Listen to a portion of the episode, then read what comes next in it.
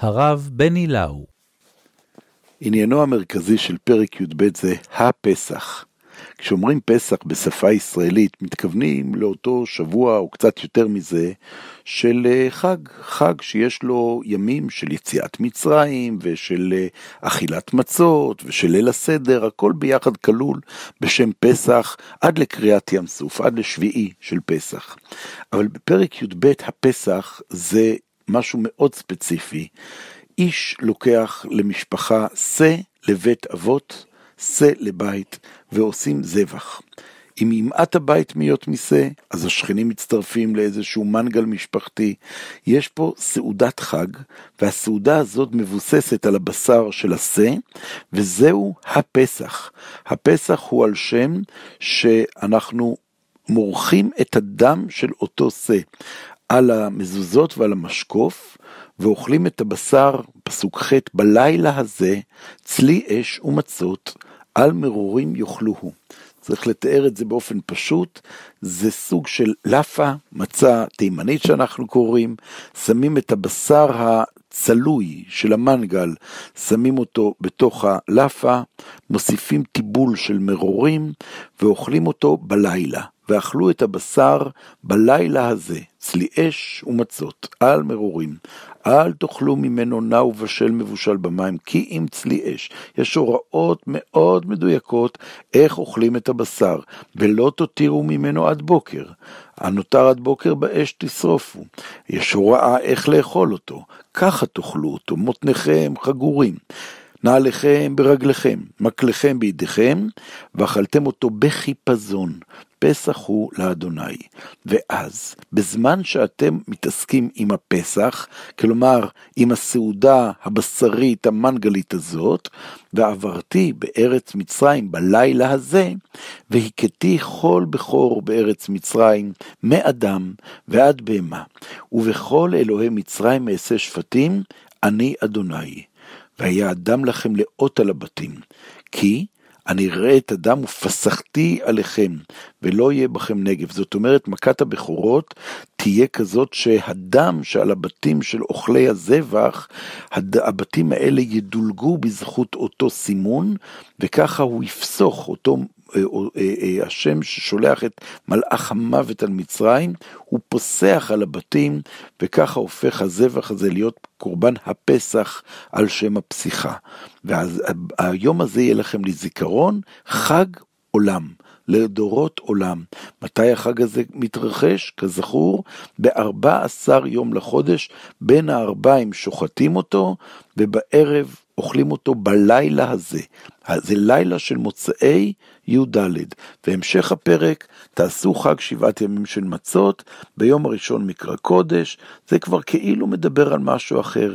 יש יום ראשון בערב עד יום ה-21 בערב, שבעה ימים של חג מצות. שני חגים מתערבבים פה ביחד, אחד חג הפסח, שהוא י"ד בין הארבעים עד הלילה, והשני חג המצות, שהוא החג של הוצאתי את יציבותיכם מארץ מצרים, מהלילה של י"ד ועד כ"א, שבעה ימים תאכלו מצות, זכר ליציאת מצרים. אני רוצה להעיר, להדגיש את מה שאני אומר כאן, שבעצם מדובר על שני חגים שמסתרגים ביחד זה בזה. החג הראשון הוא חג של יום ולילה, מתחיל בי"ד בניסן וגולש אל הלילה לאכילת זבח הפסח אל הלילה, בלילה הזה, והחג השני שמתחיל בלילה, בי"ד בלילה, מסתיימת בכ"א הוא החג של המצות ליציאת מצרים. יש את המעגל החופף של הערב של י"ד, מרגע שמתחיל י"ד בלילה, אור לט"ו, עד מתישהו בלילה, זה גם חג הפסח וגם חג המצות. אז מה זה חג הפסח? מה עניינו? חג המצות אני מבין. הוא אומר במפורש, חג המצות אנחנו עושים את זה, כי בעצם היום הזה הוצאתי את צבאותיכם מארץ מצרים. ולכן זכר ליציאת מצרים עושים חג שבעה ימים. אבל מה זה חג הפסח? החג של אכילת הזבח של היום והלילה הזה של י"ד. זבח פסח אומר פסוק כ"ז, כי יאמרו אליכם בניכם, מה העבודה הזאת לכם? הם מדברים על הפסח, הם מדברים על אותו חג של הסעודה של הלילה, מה שאנחנו קוראים ליל הסדר. אנחנו עונים לילדים בפסוק כ"ז, ואמרתם, זבח פסח הוא לאדוני, אשר פסח על בתי בני ישראל במצרים, בנוגפו את מצרים ואת בתינו הציל. התשובה היא, על מה אנחנו חוגגים בלילה הזה? אנחנו חוגגים לא על יציאת מצרים, אנחנו חוגגים על משהו הרבה יותר אינטימי. אנחנו חוגגים שהשם פסח על בתי בני ישראל במצרים, בנוגפו את מצרים ואת בתינו הציל. במילים אחרות, אפשר לומר כך, היו שני מוקדים בכל סיפור הסנה שהתגלה השם אל משה בראשית הספר. הדבר האחד, בני ישראל זועקים מן העבודה ששיעבדו אותם, ואני רוצה להציל אותם, וראינו את זה בלשונות הגאולה, הוצאתי, הצלתי, גאלתי, לקחתי, הבאתי אתכם. יש איזה רגע שהשם מוציא את עמו משעבוד לגאולה. הגאולה תהיה בארץ ישראל, עם שב לארצו. זה תהליך שנקרא יציאת מצרים. תהליך מאוד ברור. אבל יש גם דבר נוסף, וזה שצריך להכיר במלכותו של השם כמלך על כל הארץ. מצרים זה הסמל של הניכור. מצרים זה הסמל של הפרעונות השולטת על העולם ואומרת לי יאור. והמלחמה הזאת נגמרת במכת בכורות. המלחמה הזאת, הסיום שלה, כשהשם מכה כל בכור בארץ מצרים, הוא בעצם עומד ואומר, יש רק מלך אחד על פני הארץ. והרגע הזה, הרגע הזה שמתרחש בחצות הלילה, זה סיום המלחמה, זה הרגע שאותו חוגגים בני ישראל בחג הפסח, כשמסמנים את עצמם ואומרים, אנחנו יודעים מיהו המלך שלנו. אנחנו יושבים בתוך מצרים, אנחנו לא יוצאים ממצרים, אנחנו עדיין לא נגאלים ממצרים, אנחנו עוד לא יוצאים לדרך הארוכה של התכלית של מעמד הר סיני וכניסה לארץ ישראל, אנחנו עדיין בתוך מצרים יושבים, אוכלים את זבע הפסח ואומרים, אנחנו עבדי השם. זוהי תמצית חג הפסח, ורק אחר כך מתחיל חג המצות, חג שעניינו יציאת מצרים.